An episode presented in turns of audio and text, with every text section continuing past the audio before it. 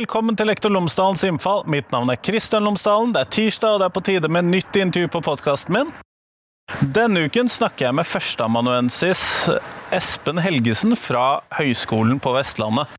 Han er eh, en del av samfunnsfagsdidaktikkseksjonen, eller samfunnsfagseksjonen da, for lærerutdanningen, eh, på Høgskolen på Vestlandet. Jeg snakker med han om et tema som han tok opp på NOXA-konferansen.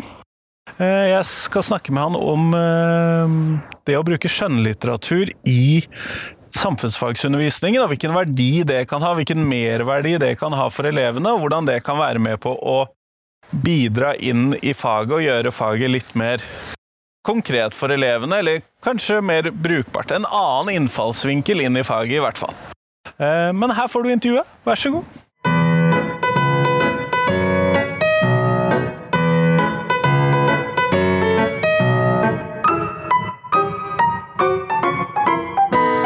Espen Helgesen, tusen takk for at jeg har fått lov til å komme og besøke deg på kontoret ditt. Bare hyggelig. Før vi starter med selve podkastintervjuet, kunne du ha fortalt lytterne mine tre ting om deg selv, sånn at de blir litt kjent med deg.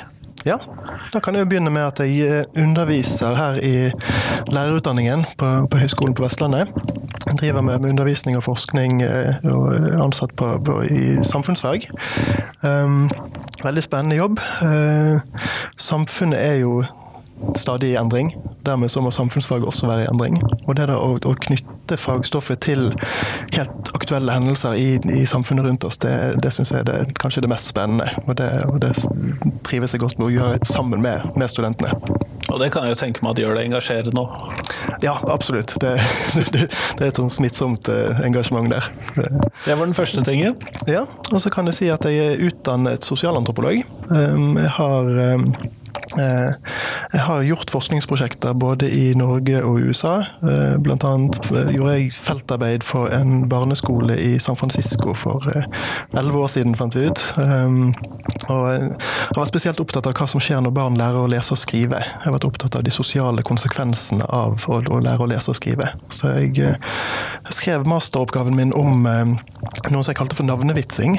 Altså hvordan, hvordan barn i fem-seksårsalderen hvordan de, sant, Du har noen som, som, som har, har knekket den alfabetiske koden, og noen som ikke har gjort det. og Når du da ser på samspillet mellom de, så ser du gjerne det at de som, de som, som forstår forholdet mellom fonemer og grafemer, de, de har en mer avansert form for humor. fordi de driver og bytter om bokstaver og, og, og, og lyder i, i navnet på hverandre. Mens de, de barna som da ikke har, har lært å lese og skrive ennå, de, de ser gjerne ikke på dette som humor. De ser på det som en, sånn, som en, en krenkelse, rett og slett. Det går på, på identiteten løs. Så, så det, var, det var tema for masteren min, og det, det var et eksempel på hvordan, man, hvordan det å lære å lese og skrive det har ikke bare rent sånne kognitive konsekvenser, men det, det har også noe med det, sosiale å gjøre. Det har sosiale konsekvenser. Eh, Og så har jeg senere vært opptatt av eh, ja, mer digitale eh, former for tekstbruk blant, blant litt eldre barn. Og da har jeg gjort, gjort feltarbeid bl.a. I, i Kristiansand. Fulgt en skoleklasse gjennom et, et år. Så, så det var andre tingen jeg ville nevne. Tredje tingen det er, mm, det er det at jeg er veldig glad i å lese skjønnlitteratur. Det har jeg alltid vært glad i. Og jeg, har en sånn har en sånn kjepphest. Jeg, er veldig, veldig opptatt av at vi, skal, at vi skal se verdien av skjønnlitteratur i samfunnsfaget. Um, For min del gjelder det spesielt her i, lærerutdanningen, men jeg tenker også det at, at, at skjønnlitteratur har en, en, en, viktig rolle å spille egentlig på alle, på alle klassetrinn. Um, og vi, kan sikkert komme litt nærmere inn på det, men det, det, det, en, det ble gjort en endring i, i, i læreplanen tilbake i 2013 der, der skjønnlitteratur ble, ble tatt ut av, eh, av formuleringen av, av, av eh, lesing som grunnleggende ferdighet i samfunnsfag. Og det, det er selvfølgelig fremdeles fritt frem for, for, for lærere å, å, å, bruke skjønnlitteratur. på- Men det er bare ikke definert inn. Nei, og det, og det sender et signal. det at man, Når man tar noe ut, så sender det et signal om at, om at her skal det være et fokus på, på faglige tekster. Så, så jeg stiller spørsmålet sånn, hva, hva er det vi, vi risikerer å miste eh, hvis, vi, hvis vi toner ned fokuset på, på skjønnlitteraturen? Og da tenker jeg Det har med, med, det har med kritisk tenkning å gjøre, det har med, med perspektivmangfold å gjøre, og det har med empati å gjøre. Så, så det er min, ja, min lille kampsak for tiden. Det, det å, å, å, slå et slag for, for skjønnlitteraturen. Ja, og det er jo nettopp skjønnlitteraturen i samfunnsfagene vi skal prate om i dag.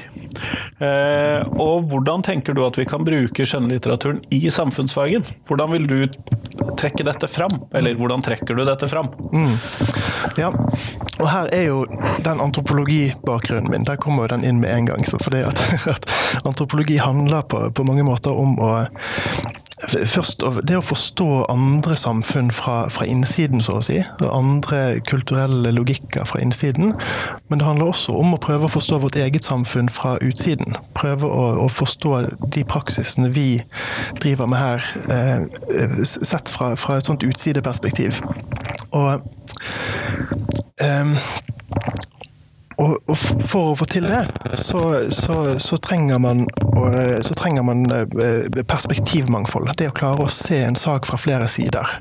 Og, og, og der tenker jeg der har skjønnlitteraturen noen, noen, noen fortrinn fremfor de, de, de, klassiske lærebøkene og en del fagtekster. Fordi at, at skjønnlitteraturen gir deg, gir deg, muligheten til å innta andre sitt perspektiv. Det gir deg mulighet for å leve deg inn, og ha eh, empati med, med de karakterene du møter og de, de, de situasjonene som, som oppstår på, på, en, ja, på en, annen måte enn en, en man vil få inn i en lærebok.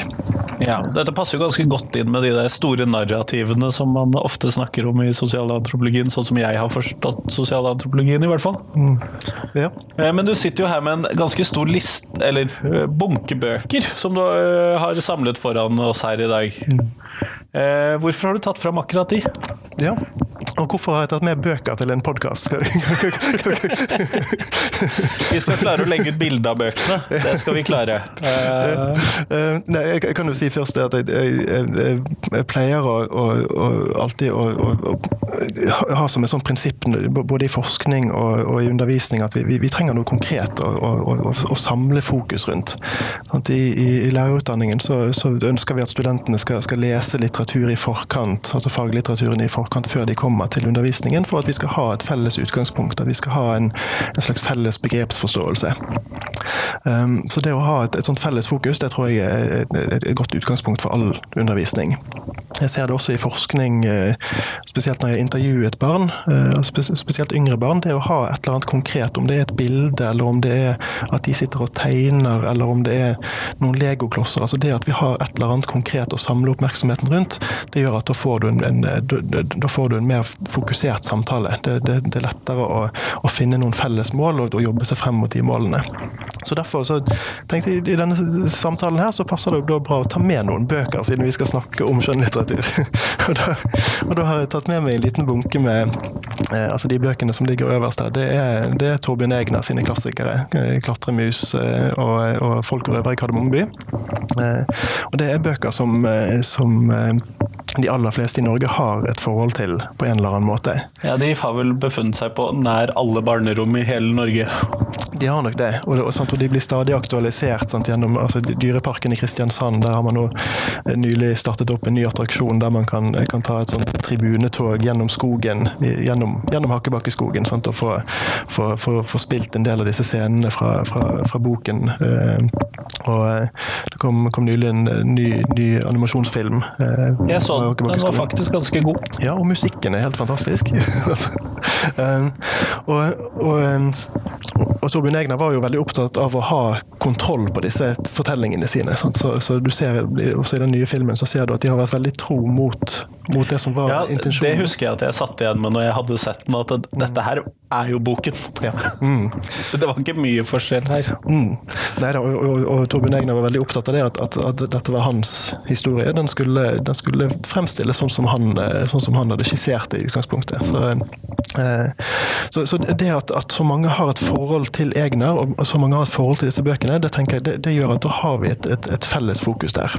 Men så er spørsmålet er disse bøkene er de oppbrukt. Er, er det mer å hente ut av de i skolen, eller er, eller er disse utdatert? Er de, er de allerede tappet for det man kan, kan hente ut? Så det, det er der jeg tror at, at i samfunnsfag så, så, det, så, er det, mye å hente fra, fra disse bøkene. For de, de går Altså, bøkene går rett inn i noen av de virkelig sentrale spørsmålene både i, både i samfunnsfaget i skolen, i lærerutdanningen, men også, også sånne samfunnsvitenskapelige spørsmål altså, som handler om sant, forholdet mellom individ og samfunn. Det handler om sosialisering, det handler om, om demokrati og menneskerettigheter. Så, så, så jeg tenker at, at disse bøkene de, er, de, de, kan være et sånt konkret utgangspunkt for å, for å få, eh, for å få eh, ja, eksemplifisert og, og, eh, få refleksjon rundt, rundt disse store spørsmålene. Hva er det du tenker at er det som best eksemplifiserer demokrati og rettigheter og sånn i en bok sånn som 'Klatremus'? Fordi at når man ser boka som et, sånn som jeg har lest den for mine barn, så er jo det en relativt koselig historie om noen som ikke blir spist, og det er litt det. Ja, de blir jo enige om det. At, at, at her skal man ikke spise hverandre. Det, vi kan jo ta utgangspunkt i, i denne, en av de mest kjente scenene fra, fra boken. Det er jo, det er jo når, når bestemor skogmus uh, igjen har, uh, har, nær blitt spist av disse kjøtt, uh, kjøtteterne i skogen. Sant? Da er det, det er reven, og det er ugla, og det er pinnsvinet som som er de som, som, som spiser andre andre dyr. Og de, de gjør jo hverdagen eh, ganske så ubehagelig for, for spesielt disse musene, men også de andre, andre smågnagerne og de som, eh, som ikke spiser kjøtt. De, de, står stadig i fare for å bli spist. Så, så Morten Skogmus han henvender seg til, til uh, bamsefar og sier at her må vi finne en løsning. Morten Skogmus foreslår da at de skal innføre noen lover som skal gjelde for alle dyrene i skogen. Og han får med bamsefar på dette her, at da arrangerer de et møte ved det store eiketreet der alle dyrene skal, skal komme. Og Da har eh, Morten Skogmus forberedt dette møtet ved å sette opp disse reglene. der, der det, det, det, sentrale budskapet er jo det at ingen av dyrene skal spise hverandre. Eh, og Så arrangerer de da en, eh, en, eh, en håndsopprekning. Det er rett og slett en, en avstemning for å, for å eh, bli enige om hvorvidt man skal innføre denne, denne nye loven eller ikke. Eh, de fleste dyrene de rekker labben i været og mener at dette er en veldig god idé, og at dette kan, dette kan, jo, løse, eh, dette kan jo løse det problemet som de har. Men så er det jo noen som er litt mer skeptiske her. og det jo, de som konkret rammes av dette? Det er, kanskje, det, det er disse minoritetene sant, som, som, her, som, her, rammes, som har, som har, andre interesser og andre behov enn, enn, det, enn det, majoriteten har. Eh, så det er spesielt Mikkel Rev som, som, som da nekter å gå med på dette. Han rekker ikke labben i været, og får da en reprimande fra bamsefar. Bamsefar sier at nå, nå Mikkel Rev, nå er det bare du igjen. De andre de har gått med på dette, her, men vi, vi trenger din stemme også. Og Mikkel Rev til slutt gir seg og, og, sier det at ja, men ok, så ta labben min også, da, men, men det vil jeg ha sagt at denne loven er noe, noe stort tull. Um, og Bamsefar enkelt og greit sier at ja, men da er loven vedtatt, og, og, og det er en god lov, uh, så nå kan alle gå hjem, og da, da er møtet ferdig. så, så, dette er jo det, det, er klart at Her finner man jo en løsning på, på et, et, et reelt problem som man har i skogen. Men så dukker det opp noen, noen spørsmål her, sant, som, eh, som, som, man kanskje ikke ser ved, ved første gjennomlesing, når man er, når man er, om det er i barnehage eller tidlig på, på barneskolen. Men det er klart at det, det er noe det er noe problematisk her hvis vi skal se på dette som en modell for hvordan man gjennomfører eh, det demokratiske valg i, i, i samfunnet. Eh, og, det, og, der er det jeg har, eh, har pleid å bruke dette som, som, et eksempel på hvordan man kan få elever til å, til å prøve å innta reven sitt perspektiv her. Hvordan, hvordan oppleves denne situasjonen for, for reven? Er, er, dette rettferdig? For selv om demokrati er kanskje et, et, et, et abstrakt og vanskelig begrep å forholde seg til for for, de yngste elevene, så, så, så er rettferdighet det er, det er noe som, som Det klarer de ofte? Det klarer de. Jeg har, jeg har selv en treåring hjemme som, som, vet godt at det ordet, det, det, det har en, en, en, et innhold. Så, så, så, det er klart, det, det å appellere til, til, til barns rettferdighetssans her og spørre sånn, er dette, er dette rettferdig, der, der, kan man få gode, gode samtaler med, med, ganske unge barn. For her er det to sider av saken, og, og, og her må man klare å se begge sidene av saken. Jeg tenker at det, det En gruppe som lider først, en minoritet her som stor minoritet for så vidt som lider før man innfører loven, og mm. en liten minoritet som kan lide av loven. Ja. Og, her er det, det er helt klart at her er det noen dilemmaer. Eh, det man kan, kan, utfordre elever på, det er jo sånn, finnes det noen alternative måter å gjennomføre denne prosessen på? Fins det noen alternative utfall som kunne vært mer, mer rettferdige? Og da, da, tenker jeg Først og alt så, så, så, kan man jo selvfølgelig problematisere gjennomføringen av selve avstemningen. her. For det, det, det, er ikke snakk om noen høringsrunde i forkant der, der man får, får, får, gått inn og lagt frem de forskjellige partene sine, sine perspektiver. her. Så det, så det bryter jo med prinsippet om deliberativt demokrati, der, der, man skal ha muligheten til å sette seg inn i en sak og man skal ha muligheten til å endre ståsted. Så, så det er en sånn litt sånn naiv demokratimodell som ligger til grunn her, der, der det er det å, å, å avlegge stemme som, som, er, som, er, kjernen i demokratiet. Eh, og så er det selvfølgelig problematisk også at det ikke er noe hemmelig valg her. Sant? Så her er det, her er det håndsopprekning ute i, i skogen ved, ved eiketreet, og, og, det blir satt fokus på, på, reven som da stemmer feil. Så han blir da korrigert og bedt om å stemme i tråd med, med, med det som er konsensus her. Så, så her, er det, her, er det, klart at her, her, det, her, kan man gå inn og se på selve den demokratiske prosessen. Eh, men, men det er også mulig å, å utfordre elever, og det, det, gjør vi også med studentene her. og utfordre dem på hva, hva kunne vært alternative utfall her. Kunne man tenke seg at denne konsensusmodellen som man legger opp til her, at, at, at det ikke alltid er det er ikke alltid sånn politikk fungerer, og det er ikke alltid sånn demokratisk praksis fungerer. Eh, kanskje man kunne funnet eh, en, en form for kompromiss. Eh, studentene har vært, har vært kreative på, på, på, løsninger der, blant annet. Kanskje, kanskje man kunne, kunne, innført en lov om at, om at kjøttetere kunne ha lov å spise andre kjøttetere. da, da, har man på en måte en, en, en slags balanse i det, der man, hvis man er med på leken så, og så videre. Sant? Så, det hørtes ut som Bamseparet ville vunnet. Ja, det, det, Bamsefar er jo en han, han spiser no, ikke noe kjøtt i det hele tatt her, i, i, i, sånn som han fremstilles i boken. i hvert fall.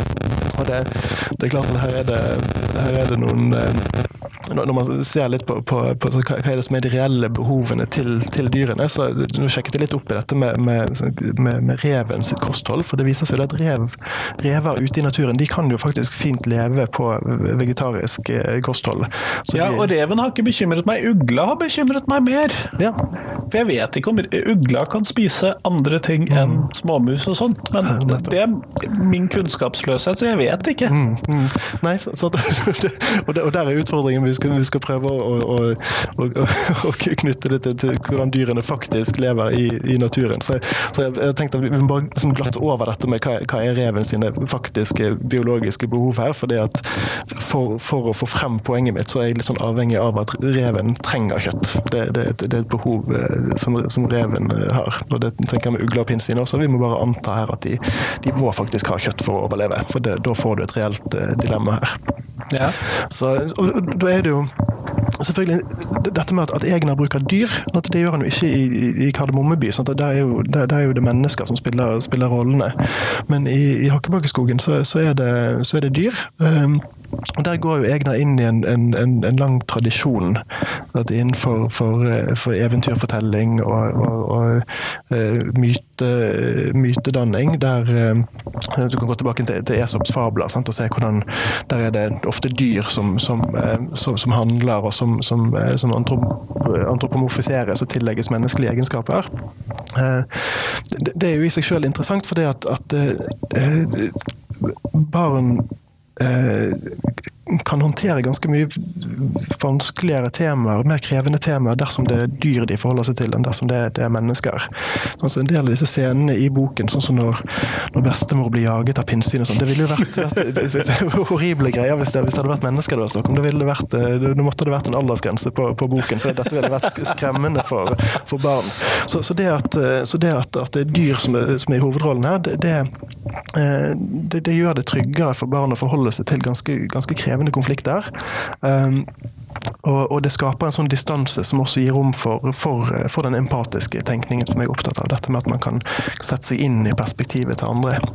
Og dette har det vært skrevet mye om eh, av eh, en, en som heter Bruno Bettelheim, eh, som har skrevet om, mye om, om, om, de europeiske folkeeventyrene.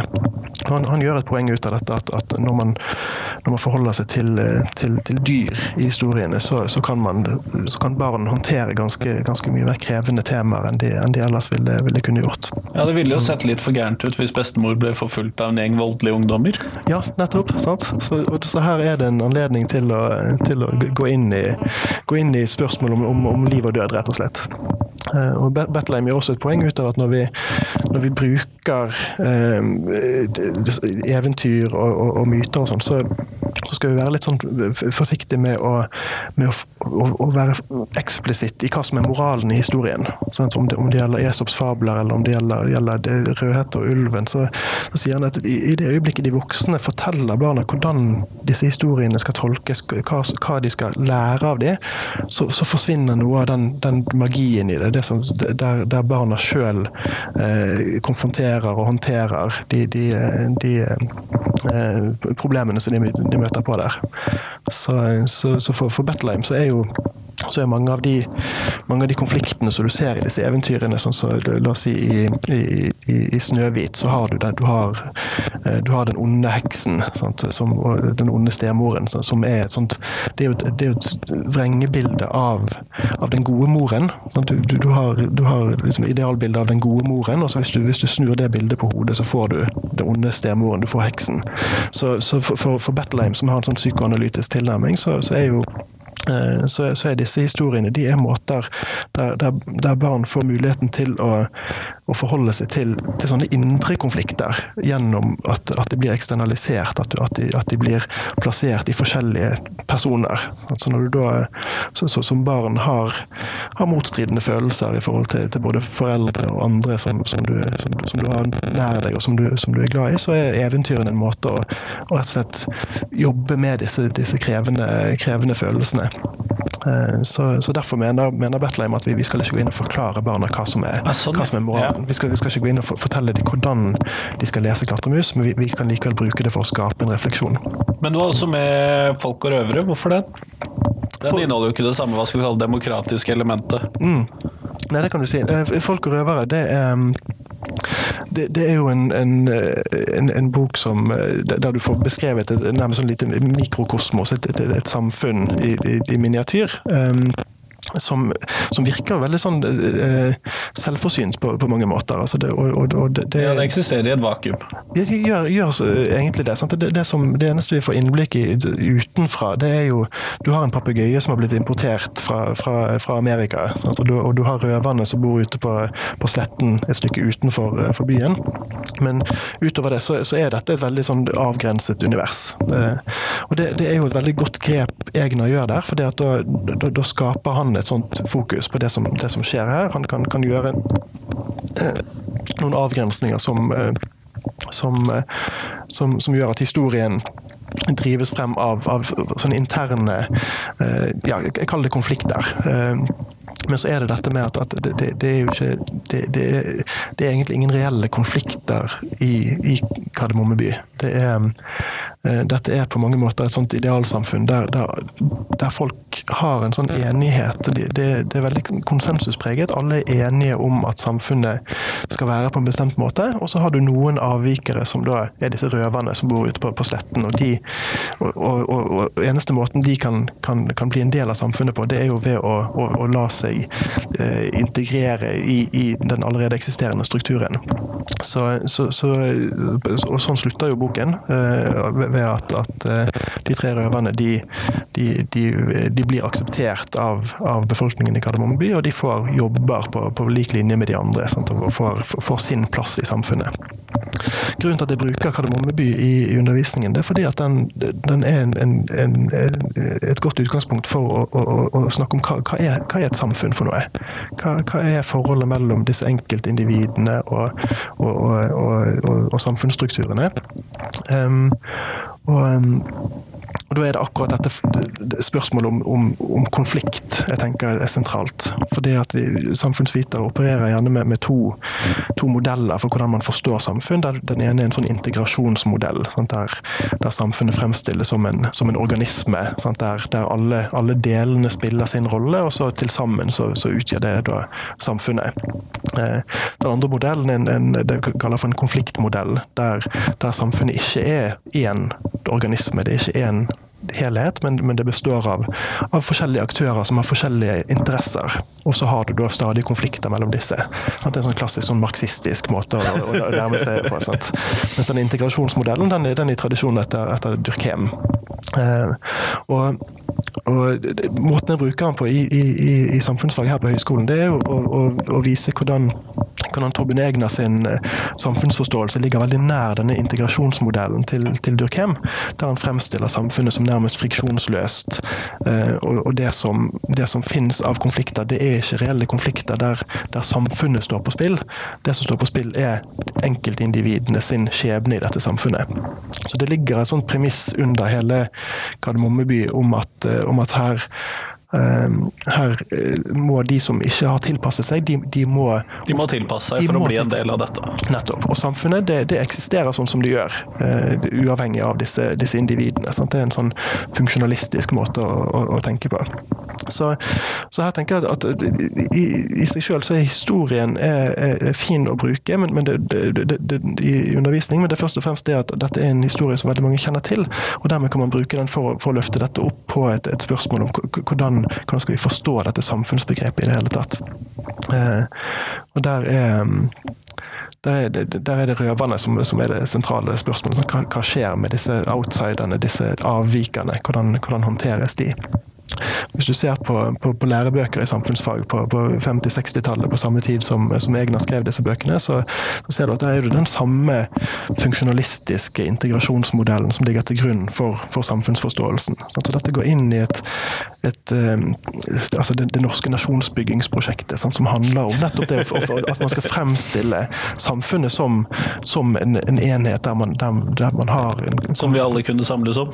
Ja, sant, nettopp. Her, her samles vi alle. Vi, vi har, vi har våre felles ritualer, og, og, og, dersom noen ikke finner seg til rette i dette, sånn som så røverne som sitter oppe i et tre og ser på når, de, når, når innbyggerne i Kardemommeby har, har, har, har, sin kardemommefest Hvis man har noen som, som ikke passer inn, så, så, så, er løsningen rett og slett at de må tilpasse seg flertallet. De må bli en del av samfunnet. Så, så det er en klar parallell her til, til Klatremus også, for der har du også denne samme litt sånn, litt sånn naive løsningen på, på, på disse på, hvordan, hvordan avvikene blir håndtert. Sant? Det handler om at de må tilpasse seg, og de må bli en del av samfunnet. Så det, så det går rett inn i, i, i i det som, eh, som, har vært en sånn bærende tanke i, i historiefaget og, og samfunnsfaget gjennom mye, store deler av 1900-tallet, nemlig det at det handler om, å, om, at man skal samle, man skal forene, man skal, skal, skal bygge eh, landet sammen. Og da må man ha lojale samfunnsborgere som, som, som, støtter opp om dette prosjektet. Og det er klart at det, det, Samfunnsfaget er jo, har jo en, en mer eh, mer kompleks rolle enn det. For, for det samfunnsfaget skal ikke bare være um, skal ikke bare være et, et fag som, som, sosialiserer elevene inn i en sånn lojal oppslutning om det, det norske samfunnet og demokratiet. Det skal også være et fag som, som oppfordrer til kritisk tenkning og, og, og, og får um, Skape forandring og ja, sant. Og så er det balansen mellom disse her som, som, som gjør seg gjeldende fra, fra barnetrinnet opp til, til, til videregående, og, og, også i lærerutdanningen, der, der, denne spenningen står jo helt sentralt. Altså, hvordan, hvordan skal våre studenter eh, forholde seg til til disse spørsmålene når de, når de, skal ut i skolen og, og undervise elever. Sant? Så skal de vektlegge dette med lojalitet og det samlende, eller, eller, er det det mer sånn det kritiske perspektivet? Og det, Der er det en, en balanse vi hele tiden jobber med. Og det er kanskje ved denne balansen vi finner spranget videre til neste bok. Fordi at fra Torbjørn Egner så har du lagt Jens Bjørneboe 'Frihetens øyeblikk' som neste bok i rekken. Mm. Uh, og der er det vel et ganske stort sprang? Det er det, og, det, og, og nå forlater vi jo barnelitteraturen. og, um, og, og, klart, Jens Bjørneboe er en, en, en, fascinerende person. og er også en sånn, det er en forfatter som, som, som, som de fleste iallfall kjenner til, eh, selv om det kanskje ikke er så mange som, har, leser, uh, leser, mye av Bjørneboe. Sjøl hadde, hadde, jeg noen tekster av Bjørneboe på, på, på videregående. Um, og um, det, det, det, som har slått meg, det, det, er den kontrasten mellom Egner og Bjørneboe her. For det at du har to, to forfattere som, som, begge to var, var, engasjert i spørsmål som handlet om, om barn, som handlet om utdanning. Altså, Bjørneboe har jo skrevet, skrevet 'Jonas', sant, som, er, som, er, en av de store skoleromanene fra, fra, fra 1900-tallet. Um, og, så, så, begge var engasjert i spørsmål som hadde med barn å gjøre. Men, men hvis, du, hvis, du, hvis, du, ser på, på, på, livene som de to forfatterne levde, så, så så er det slående å, se hvordan Selv om de, de, de levde de, de, var født omtrent samtidig, og de, døde med ikke så mange års mellomrom, men, men likevel så er det som om de har vokst opp og levd i ikke bare to forskjellige samfunn, men to, på to forskjellige planeter. De har, en så, de har en så forskjellig tilnærming til de store samfunnsspørsmålene. De, har, de, har, de deler rett og slett ikke virkelighetsforståelse?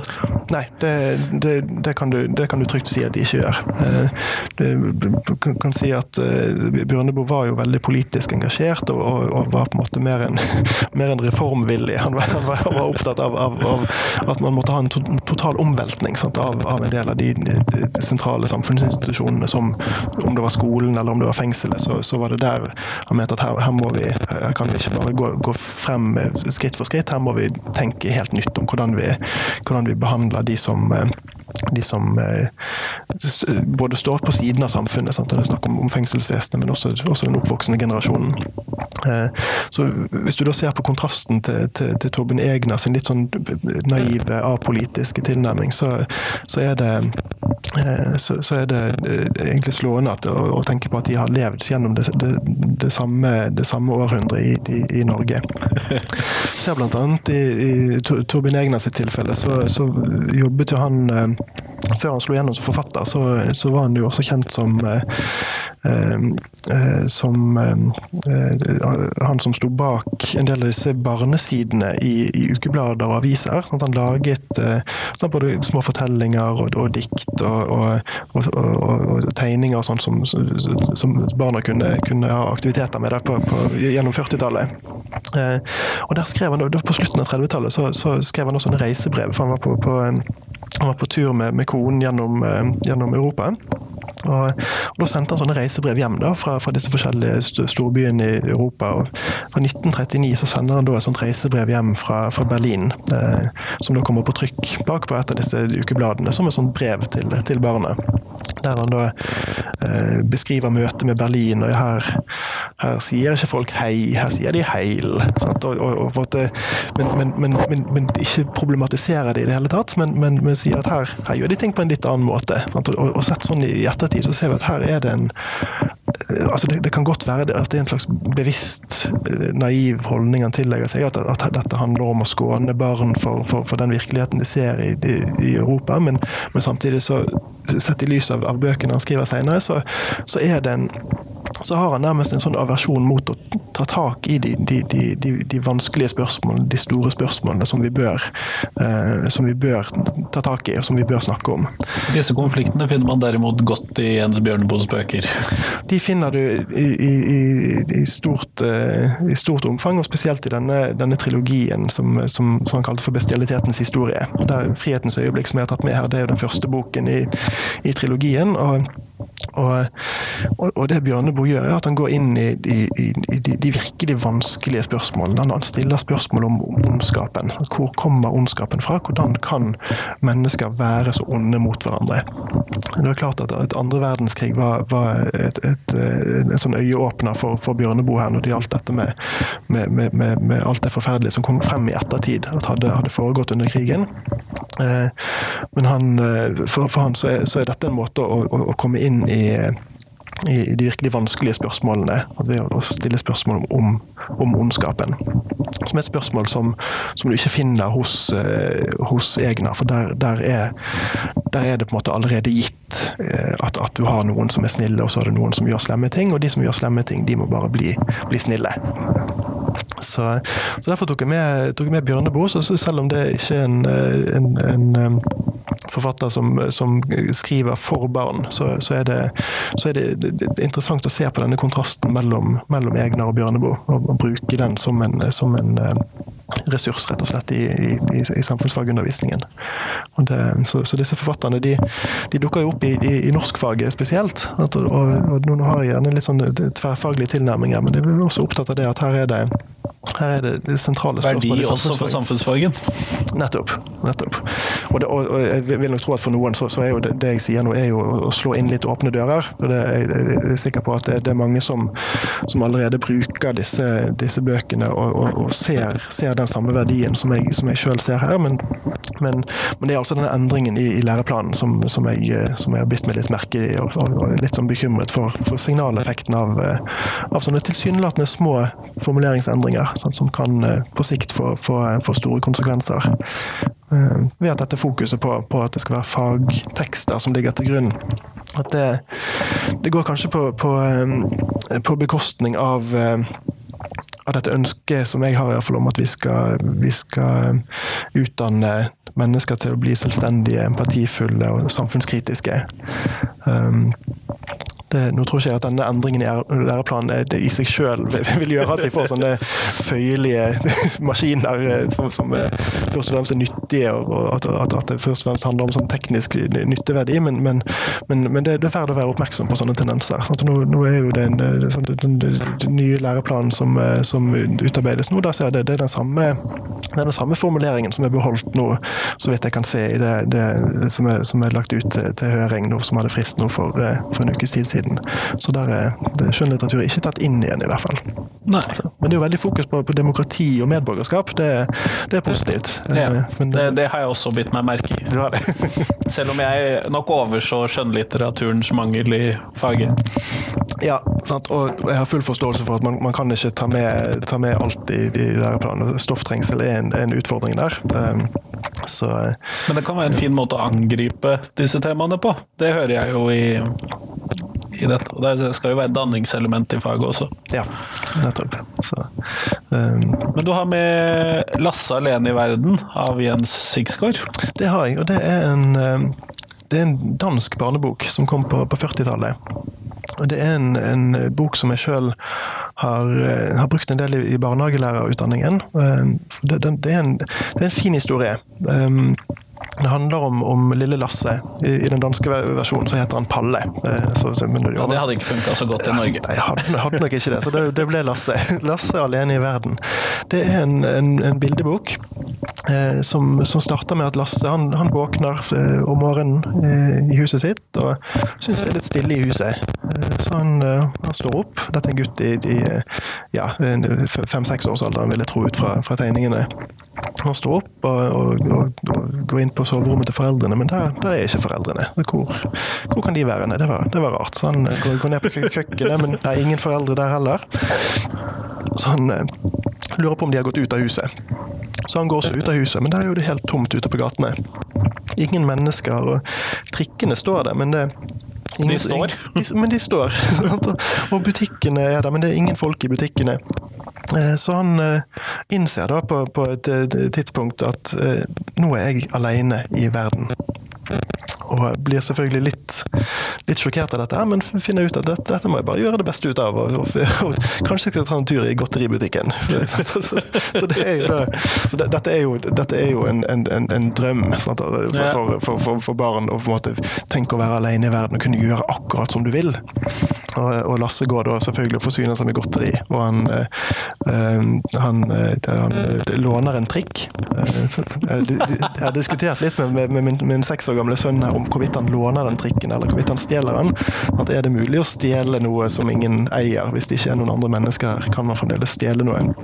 Eh, man stjeler en, en, en, trikk eller låner en trikk, og, og klarer å krasje denne trikken sant? og blir litt, litt, skadet der og finner ut at han må, gå og lage seg noe mer mat. Så han, eh, men så klarer han å svi havregrøten på hotellkjøkkenet der han skal lage, lage havregrøt. og innser vel etter hvert at det, det, var ikke så veldig stas å være alene i verden likevel. Eh, så han så han blir da heldigvis på, på, slutten av boken, etter at ting går litt galt, for han, han, han, han låner et fly og, og klarer da å Han krasjer med månen uh, og faller da ned mot jorden, mot sin sikre død, men våkner da i sin egen seng, og moren er der, og faren er der. og han kan gå ut på lekeplassen med de andre, og så er han så glad for at dette bare var en drøm, for at han ikke var alene i verden. Og dette er en bok som, eh, som, som uh, sier noe om, om, om, forholdet mellom individ og samfunn. Det, det, sier noe om sosialisering, det, hvordan vi er avhengig av hverandre. Altså, I antropologien så, så, så, så, tenker vi ofte det vi kaller for relasjonelt. Altså, vi tar utgangspunkt i at mennesker er først og fremst relasjonelle. Det er ikke sånn at vi sitter her som et subjekt, og du sitter der som et subjekt, og så, og samhandler vi. Samhandlingen er, den er konstituerende for det å være menneske. Så, det relasjonelle er, er, det som definerer oss som, som mennesker.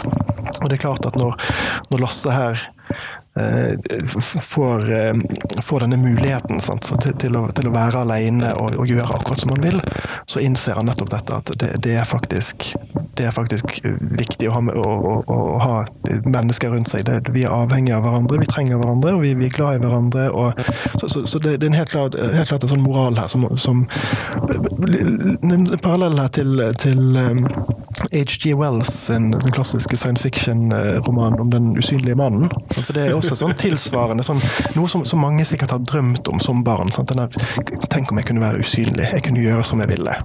Sånn, men i H.G. Wells sin, sin roman så, så, så, ser han jo nettopp på hva, hvordan ville dette praktisk ha vært. Du ville faktisk måtte gå, gå rundt naken for, for, at ikke klærne dine skulle være, være synlige for andre. Sånn, så her er det noen sånne, sånne, utfordringer som dukker opp når vi, når vi skal realisere disse, disse fantasiene.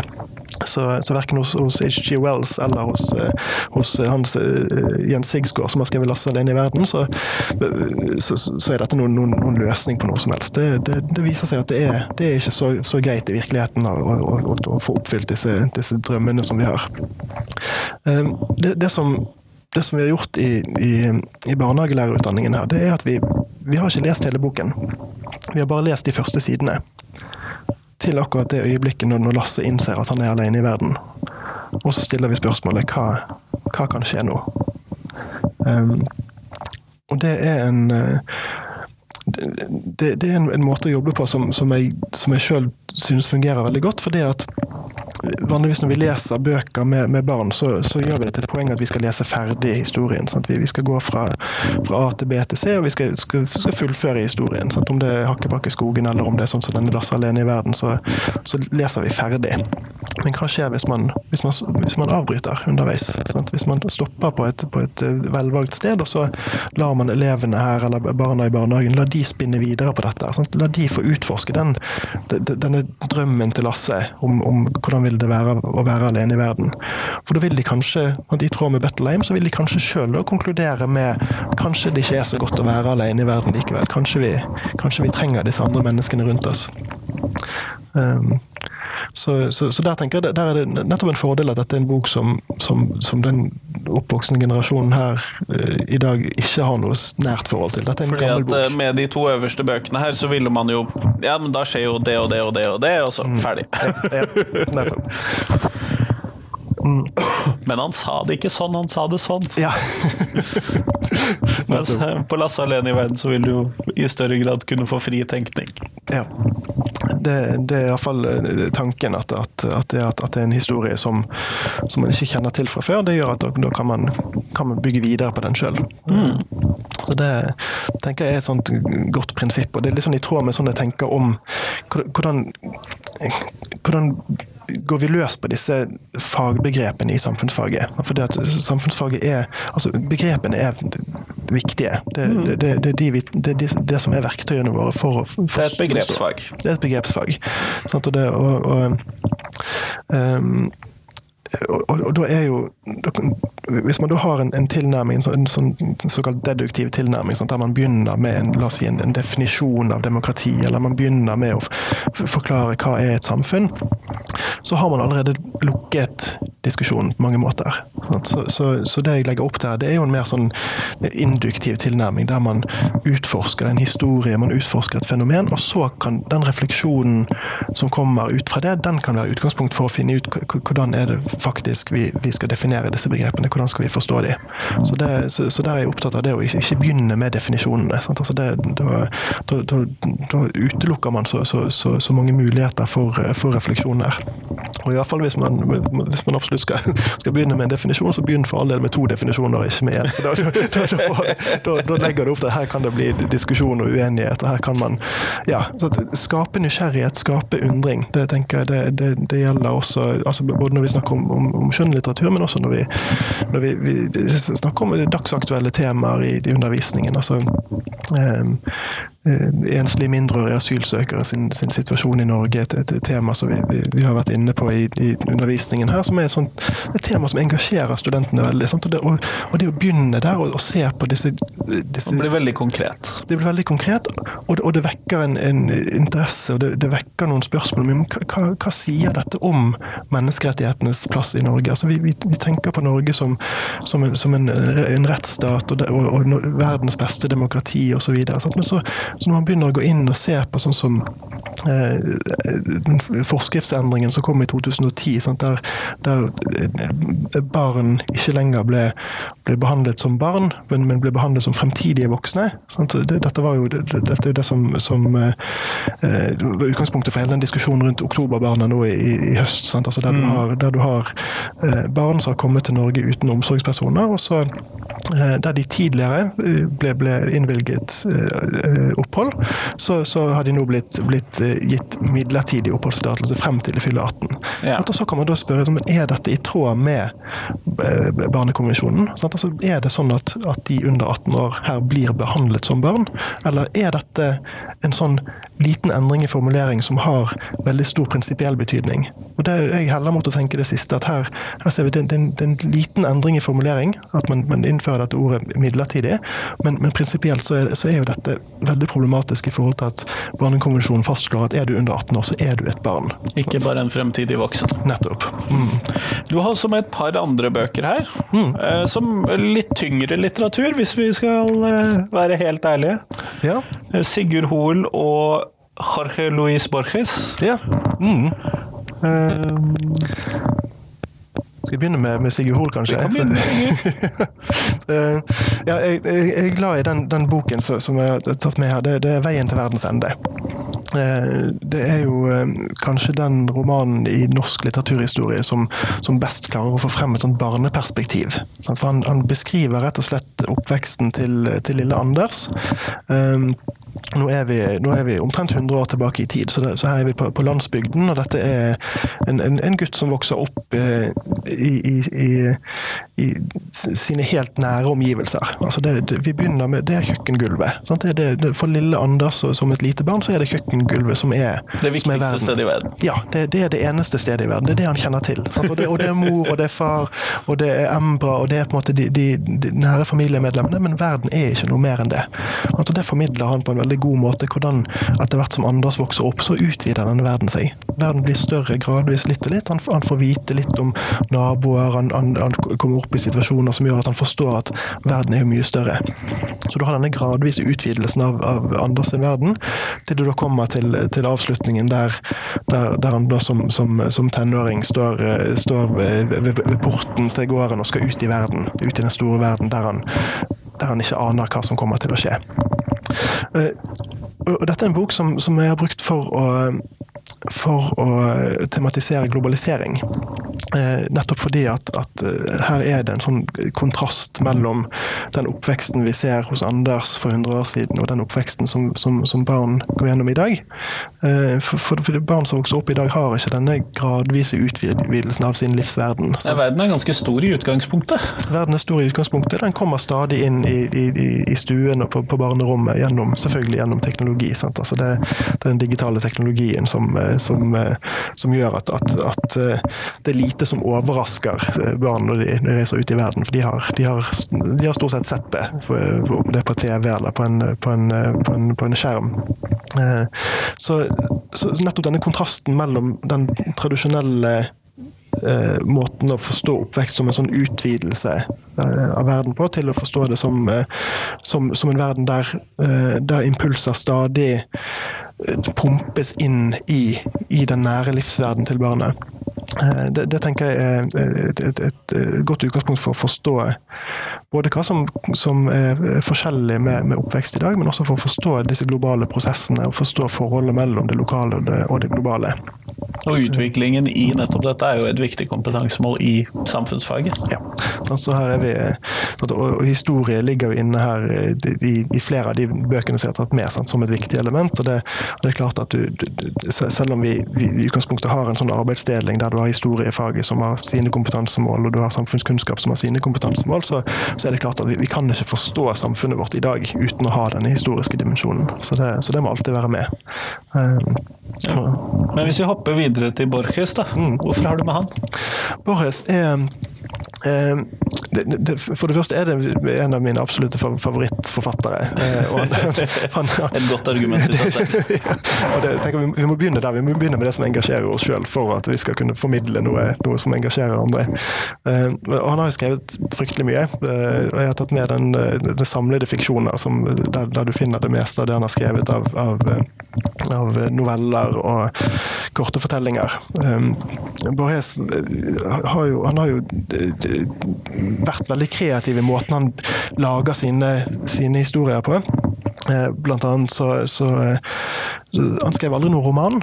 Eh, han kunne nok sikkert ha gjort det, men, men det han gjorde istedenfor å skrive romaner, det var at han skrev fiktive bokanmeldelser av, av, av, romanene han kunne ha skrevet. Sant? Og dermed så fikk han da inn på, på veldig sånn kompakt plass fikk han da inn eh, fikk han sagt det, det, det sentrale som han ønsket å, å formidle uten å bruke 300 sider på det. Eh, og, og, den fortellingen som jeg, som jeg selv har brukt i og Da er vi på, på, på masterutdanningen her på, på, høyskolen. altså de som, som, sånn, Da skal de ut og selv gjøre datainnsamling, og de skal, skal, skal, ikke bare forstå samfunnet, men de skal rett og slett forske på samfunnet og, og, og klare å gjøre dette om til tekst som skal inn i denne masteroppgaven.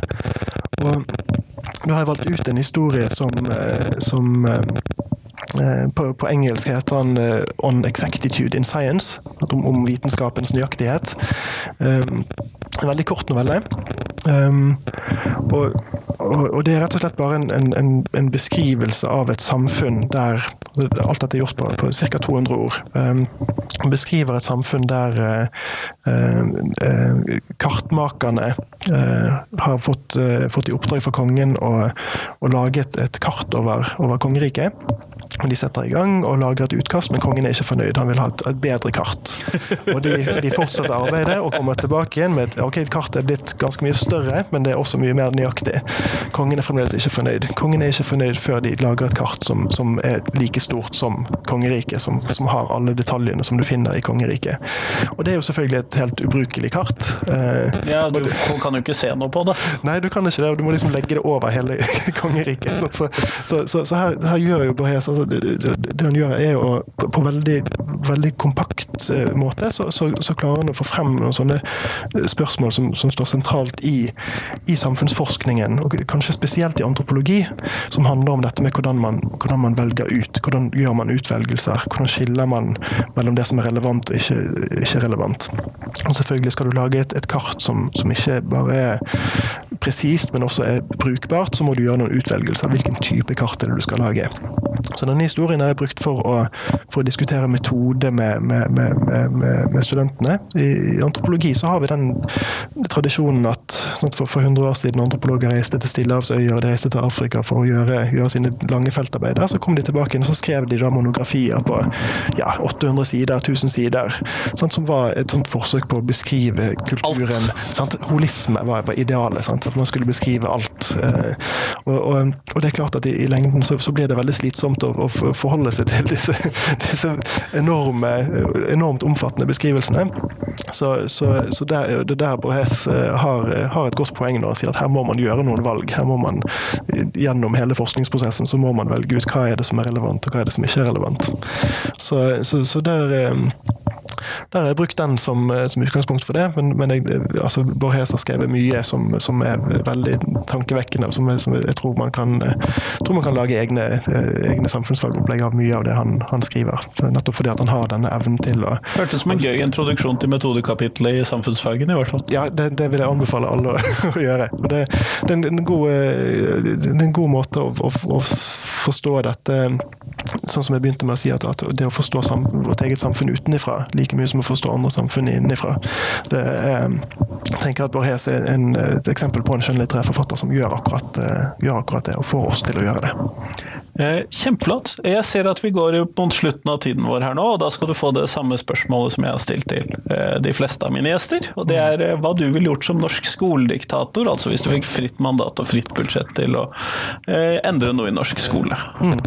Ja, med, fritt mandat og fritt budsjett, så, for min del så er det én ting jeg ville vil gjort, og det var å rett og slett gi rom for flere lærere, spesielt på de lave trinnene. Og, rett og slett sørge for at de, at de, har nok ressurser til å, å, gjøre det de ønsker å gjøre. Eh, der, der tror jeg det er en, en sko som trykker. Eh, det, det ville vært mitt ønske.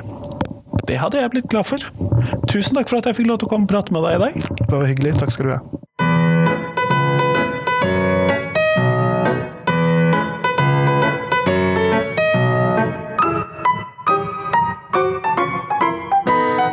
Tusen takk til Espen, og tusen takk til deg som hørte på. Nå er det en uke til neste intervju, men i mellomtiden så hadde jeg håpet at du kunne hjelpe meg med å finne flere mennesker jeg kunne intervjue. På nettsidene lektorlomsdalen.no så ligger det et skjema hvor du kan sende inn forslag til hvem du syns at jeg bør intervjue på podkasten min. Så hvis du kunne gjøre det, så hadde jeg blitt kjempeglad. Men fram til neste gang, ha en fin uke. Hei, hei!